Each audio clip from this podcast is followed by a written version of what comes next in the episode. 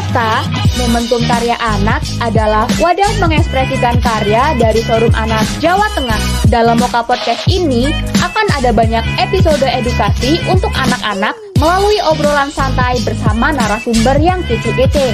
Bersama Moka Podcast dari Forum Anak Jawa Tengah, setia menjadi sahabat yang bermartabat.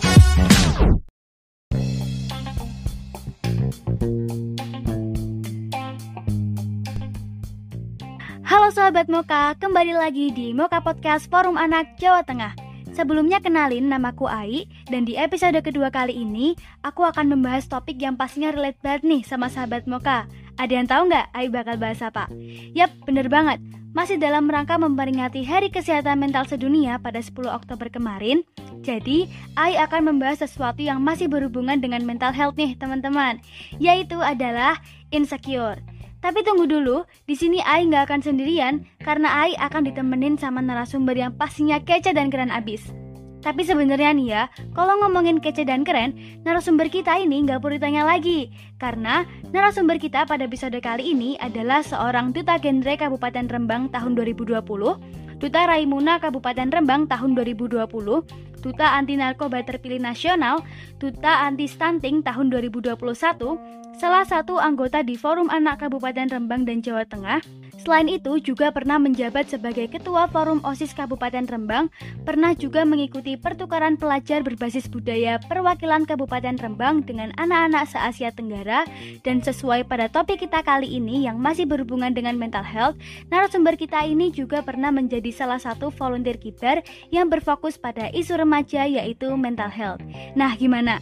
Keren banget kan narasumber kita? Kalau kata orang-orang tuh ya, kerennya itu udah no debat dan valid gitu. Jadi kayak kita nggak usah banyak basa-basi lagi, kita langsung sambut saja narasumber kita. Ini dia Kak Muhammad Hilmi Zirai Pratama. Halo Kak Rey. Oke, halo halo. Gimana nih kabarnya? Alhamdulillah, Ai kabarnya baik Kak. Kalau Kak Rey sendiri gimana kabarnya? Sama, alhamdulillah Re juga baik dan pastinya sehat gitu. Oke, dan semoga sahabat Moka yang ada di rumah juga sehat selalu ya. Apalagi di masa pandemi seperti ini, kita harus terus menjaga kesehatan dengan tetap menaati protokol yang ada. Nah, Kak Rey, sebelum kita masuk ke topik pembahasan kita, Ai penasaran nih, Kak Rey lagi sibuk apa sih akhir-akhir ini? Oke, jadi i- kali-kali ini dan akhir-akhir ini Re itu lagi sibuk yang namanya PTM. Apa tuh PTM? Pembelajaran tatap muka. Jadi Re ini kan masih kelas 12 SMA nih. Jadi masih sibuk-sibuknya dengan kegiatan belajar mengajar. Nah, apalagi di Kabupaten Rembang di sekolahnya Re juga eh, sedang mengadakan pembelajaran tatap muka secara 50% gitu kan. Jadi 50% daring, 50% tatap muka gitu.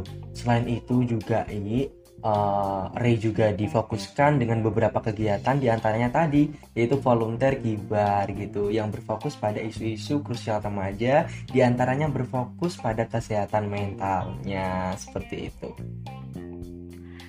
Berarti lumayan sibuk ya Kak? Wah bisa dikatakan seperti itu sih. Tapi Ai ingin mengucapkan terima kasih loh Kak.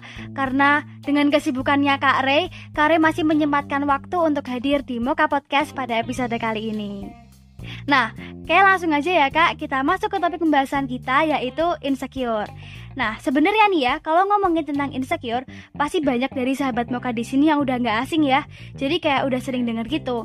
Cuman mungkin masih ada beberapa sahabat Moka masih belum tahu nih apa itu insecure. Jadi menurut Kak Rey, insecure itu apa sih Kak? Jadi teman-teman semuanya dan Ai tentunya Menurut Ray sendiri nih, insecure itu dapat diartikan sebagai perasaan tidak aman yang mungkin setiap orang bisa merasakan dalam hidupnya gitu. Yang berarti rasa tidak aman atau insecure sendiri bisa terjadi pada diri kita di saat kita sedang merasa kekurangan, malu, bersalah, bahkan sampai rasa tidak mampu akan melakukan sesuatu. Ketika perasaan tidak aman ini, kita eh, tidak dapat mengendalikan diri, maka hal ini akan memicu perasaan semakin tidak percaya diri yang ada pada diri kita sendiri. Seperti itu dia. Oke, kalau Kak Rey sendiri pernah nggak merasa insecure? Pastinya pernah dong. Siapa sih yang nggak pernah mengalami insecure? Bener sih kak, kayak semua orang juga pernah ya merasa insecure. Bahkan orang yang kelihatannya paling perfect, pasti dia pernah juga merasa insecure. Tapi kalau dari Kak Ray sendiri, alasan Kak Ray bisa merasa insecure itu kenapa sih kak? Karena uh, Ray ini takut akan sesuatu gitu dulunya gitu. Jadi Ray ini dulu sebelumnya uh, percaya diri itu Ray itu pendiam gitu kan, jarang berinteraksi karena takut yang ada namanya bully gitu kan. Uh, karena uh, lingkungan Ray secara dulu itu toxic gitu, dinamakan toxic gitu. Jadi uh, ketika Ray kulitnya hitam atau teman Ray kulitnya hitam itu ada bullying atau uh, gemuk juga dibullying seperti itu. Nah itu yang menyebabkan uh, Ray insecure gitu pada diri Ray sendiri gitu. Seperti itu sih. Oke, berarti bullying terhadap fisik bisa dibilang body shaming ya? Betul banget, gak hanya body shaming sih, tapi juga mengakibatkan eh, hal-hal uh, yang lainnya seperti itu. Iya, bener banget sih. Karena dari body shaming itu sebenarnya uh, membuat masalah-masalah lain yang masalah-masalah tersebut tuh juga malah bikin masalah-masalah lain gitu, Kak. Betul.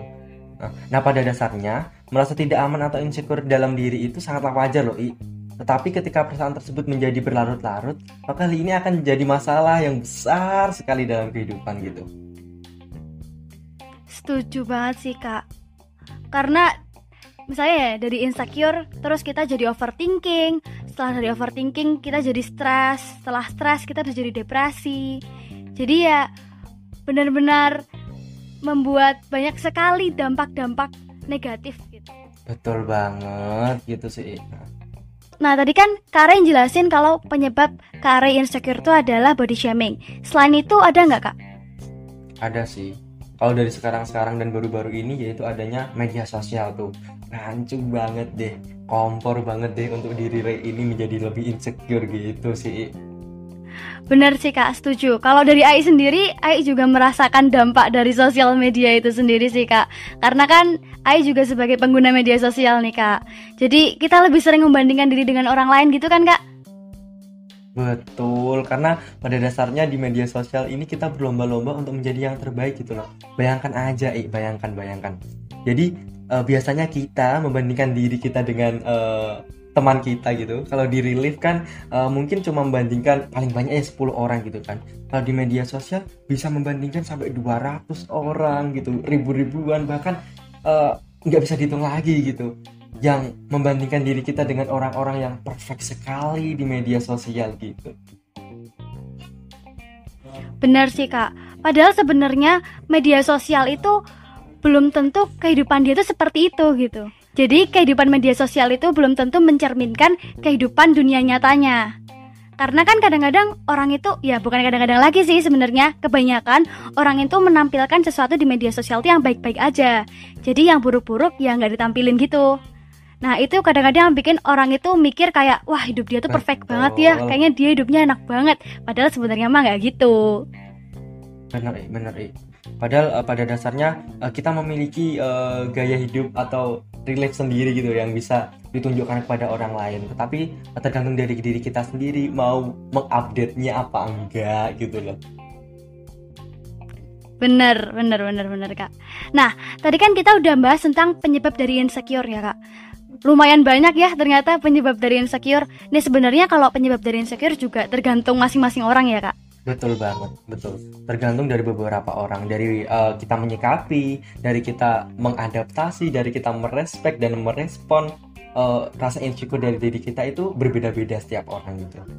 Oke, nah kalau dampak dari insecure ini apakah juga sebanyak dari penyebab insecure kak? Oke, kalau dari diri sendiri ini dampak insecure itu apa sih? Pastinya ada dua sih, dampak negatif dan dampak positif gitu. Wah, berarti dampak dari insecure itu ada negatif dan positif ya kak.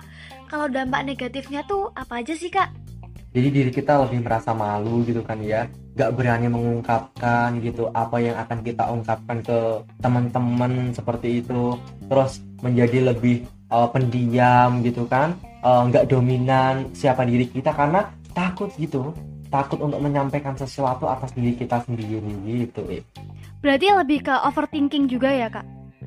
betul banget overthinking gitu Kalau Kak Ray pernah nggak gara-gara insecure jadi overthinking gitu? Eh, pernah sih ada sesuatu kesempatan atau sesuatu hal gitu yang membuat Ray ini kadang menjadi overthinking gitu wah Ray gini terus nggak ada kemajuan gitu sih. Oke, kalau Ai sendiri juga pastinya pernah ya overthinking. Karena kadang-kadang nih ya kak, kalau mau tidur gitu Eh tiba-tiba kebesit ini, kebesit itu. Jadi ya nggak jadi tidur Terus kadang-kadang sampai insomnia gitu. Nah, terus selain itu ya kak, selain overthinking Ai itu juga pernah dengar namanya eating disorder. Karib tahu nggak eating disorder itu apa? Aduh, apa tuh eating disorder teman-teman? Jadi setelah kita insecure gitu kan, pastinya kan kita kayak merasa diri kita nggak berguna gitu ya. Kebanyakan kan seperti itu sih teman-teman yang lainnya. Nah, jadi nafsu makan kita itu nggak diatur gitu, makan seadanya, kayak nggak self love dan lain-lain. Nah, bisa menyebabkan eating disorder gitu gangguan makan gitu yang menyebabkan kita seperti kayak anoreksia gitu kan. Jadi Ai tahu nggak sih apa itu anoreksia? Kalau Ai sendiri belum tahu sih kak Dan mungkin sahabatmu kak banyak juga yang belum tahu. Anoreksia itu apa sih kak? jadi anoreksia itu adalah gangguan makan yang ditandai dengan berat badan yang sangat rendah karena rasa takut yang berlebihan pada kenaikan berat badan gitu kan. Biasanya cewek-cewek nih yang pengen langsing gitu kan. Dan persepsi yang salah terhadap berat badan gitu kan. Itu juga termasuk gangguan mental loh I, gitu. Yang serius dan tidak boleh didiamkan gitu. Jadi setelah kita insecure kita eh, tidak mementingkan diri sendiri makan juga seenaknya gitu. Kadang juga ada yang mau eh, nggak di body shaming gitu kan nggak insecure badanku kayak kita yang gemuk gitu kan. Mau aku yang kayak eh, Korea ke Korea Koreaan gitu badannya langsing seperti itu. Jadi kayak makannya itu diatur seketat mungkin gitu. Nah ini bisa menyebabkan eating disorder dan berkelanjutan menjadi penyakit anoreksia. Gitu. Oke, berarti kalau dipikir-pikir eating disorder itu termasuk salah satu gangguan mental yang cukup serius ya kak. Karena selain berdampak pada kesehatan psikis, juga berdampak pada kesehatan fisik. Nah, kalau seseorang sudah mengalami eating disorder, apa sih kak yang harus dia lakuin? kalau eating disorder gitu sih ya yang pastinya konsultasi ke dokter gitu. Karena beberapa tenaga ahli gitu menyarankan untuk langsung gitu kita konsultasi ke dokter. Karena uh, eating disorder ini adalah uh, suatu gangguan yang berat gitu. Dapat uh, disembuhkan dengan cara yang berkepanjangan gitu. Nggak berkelanjutan juga tetapi uh, dari diri kita juga harus memiliki rasa untuk berubah gitu. Jadi selain dari segi medis tapi juga harus dari dorongan diri kita seperti itu. Kayak kita harus mau berubah dan lain-lain. Seperti itu sih. Oke, berarti kalau semisal kita sudah mengalami eating disorder, kita harus segera mencari pertolongan kepada orang-orang yang sudah ahlinya, seperti psikolog atau psikiater, seperti itu. Karena memang sebenarnya hal-hal seperti ini tuh bukan hal-hal yang sembarangan dan memang ada ilmunya gitu. Oke, tadi kan kita udah bahas tentang dampak negatif dari insecure. Terus tadi kan Kare juga bilang kalau insecure itu ada loh dampak positifnya. Nah, dampak positif dari insecure itu apa aja sih, Kak? Jadi yang pertama itu lebih mengenal diri sendiri jadi maksudnya apa sih gitu yang menjadi pemicu utama munculnya insecure adalah apa tadi I? rasa ketidakpercaya diri akan kemampuan diri kita gitu kan jadi eh, biasanya perasaan ini muncul setelah diri kita mengalami kegagalan I. terus kita membanding-bandingkan diri kita dengan orang lain contohnya di medsos di TikTok gitu kan. Terus semua itu terjadi karena kita hanya melihat sesuatu berdasarkan hasilnya gitu kan. Tetapi kita tidak melihat berapa besar usaha yang sudah dilakukan demi mencapai keberhasilan. Nah hal positif pada poin ini adalah ketika kita melihat sesuatu tidak hanya dari hasil maka kita akan menghargai setiap proses yang kita lakukan sehingga memicu kita untuk berusaha lebih giat lagi. Karena ada pepatah nih yang viral banget usaha tidak akan mengkhianati hasil seperti itu Oke, berarti sebenarnya tergantung bagaimana cara kita melihat insecure itu seperti apa. Karena kita juga bisa Betul. melihat insecure itu menjadi sebuah motivasi untuk memperbaiki diri menjadi lebih baik lagi. Betul. Selanjutnya, I, betul. Eh, membandingkan diri sebagai motivasi, I. Aku ulangin lagi dan aku tekankan gitu kan. Dari beberapa kasus yang ada aku jelaskan gitu kan. Jadi, selain kita eh, mengenal diri sendiri, kita juga dapat memotivasi diri kita untuk membandingkan. Kok aku dibanding-bandingkan sih, Kak? Jadi, dalam hal ini membandingkan yang lebih baik, dan teman-teman semuanya. Karena oh, contohnya kita bisa menjadikan orang lain gitu kan sebagai bahan pembanding kita dalam menentukan sebuah goals yang kita inginkan gitu. Ketika kita sudah bisa melihat sebuah perbandingan sebagai sesuatu yang positif, maka kita dapat lebih mengerti kemampuan kita saat ini, terus pencapaian kita juga apa. Jadi kita bisa introspeksi diri untuk menjadi ke arah yang lebih baik gitu. Oke kak. Nah, tadi kan kita udah membahas tentang insecure kan kak. Ternyata ada dampak positifnya juga tuh kak. Dan ternyata dampak positifnya nggak cuma satu dua, tapi ternyata banyak banget. Nah, kalau dari Kare sendiri, ada nggak sih tips menghadapi insecure sehingga kita bisa mendapatkan dampak positif dari insecure itu? Kalau dari Ray sendiri ada 7 skill untuk mengatasi insecure gitu. Yang pertama, memahami apa yang diri kita rasakan. Selanjutnya, tentang pikiran negatif, kita harus bisa mengelola dari pikiran negatif kita gitu kan.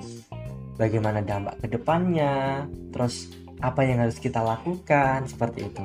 Selanjutnya, kita juga bisa menghabiskan waktu dengan orang yang kita cintai gitu seperti keluarga, teman atau bahkan ketika kita memiliki passion di hal tertentu itu juga bisa gitu.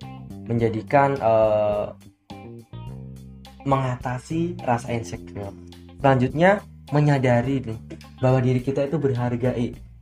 Karena setiap diri kita memiliki kelebihan dan kekurangan masing-masing gitu. Terus jangan membandingkan diri dengan orang lain. nih. Tapi dilihat lagi nih konteksnya.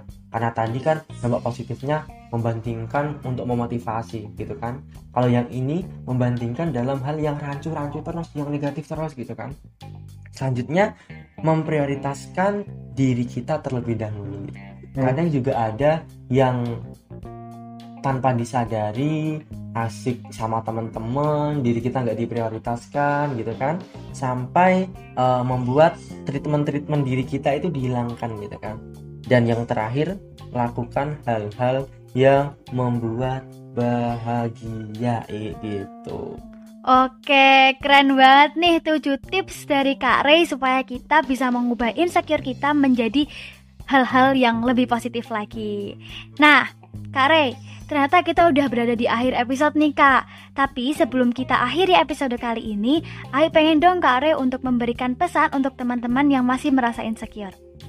Oke, untuk teman-teman yang ada di Jawa Tengah, untuk sobat podcastnya Moka Van Jateng gitu kan, yang pastinya Ray punya pesan.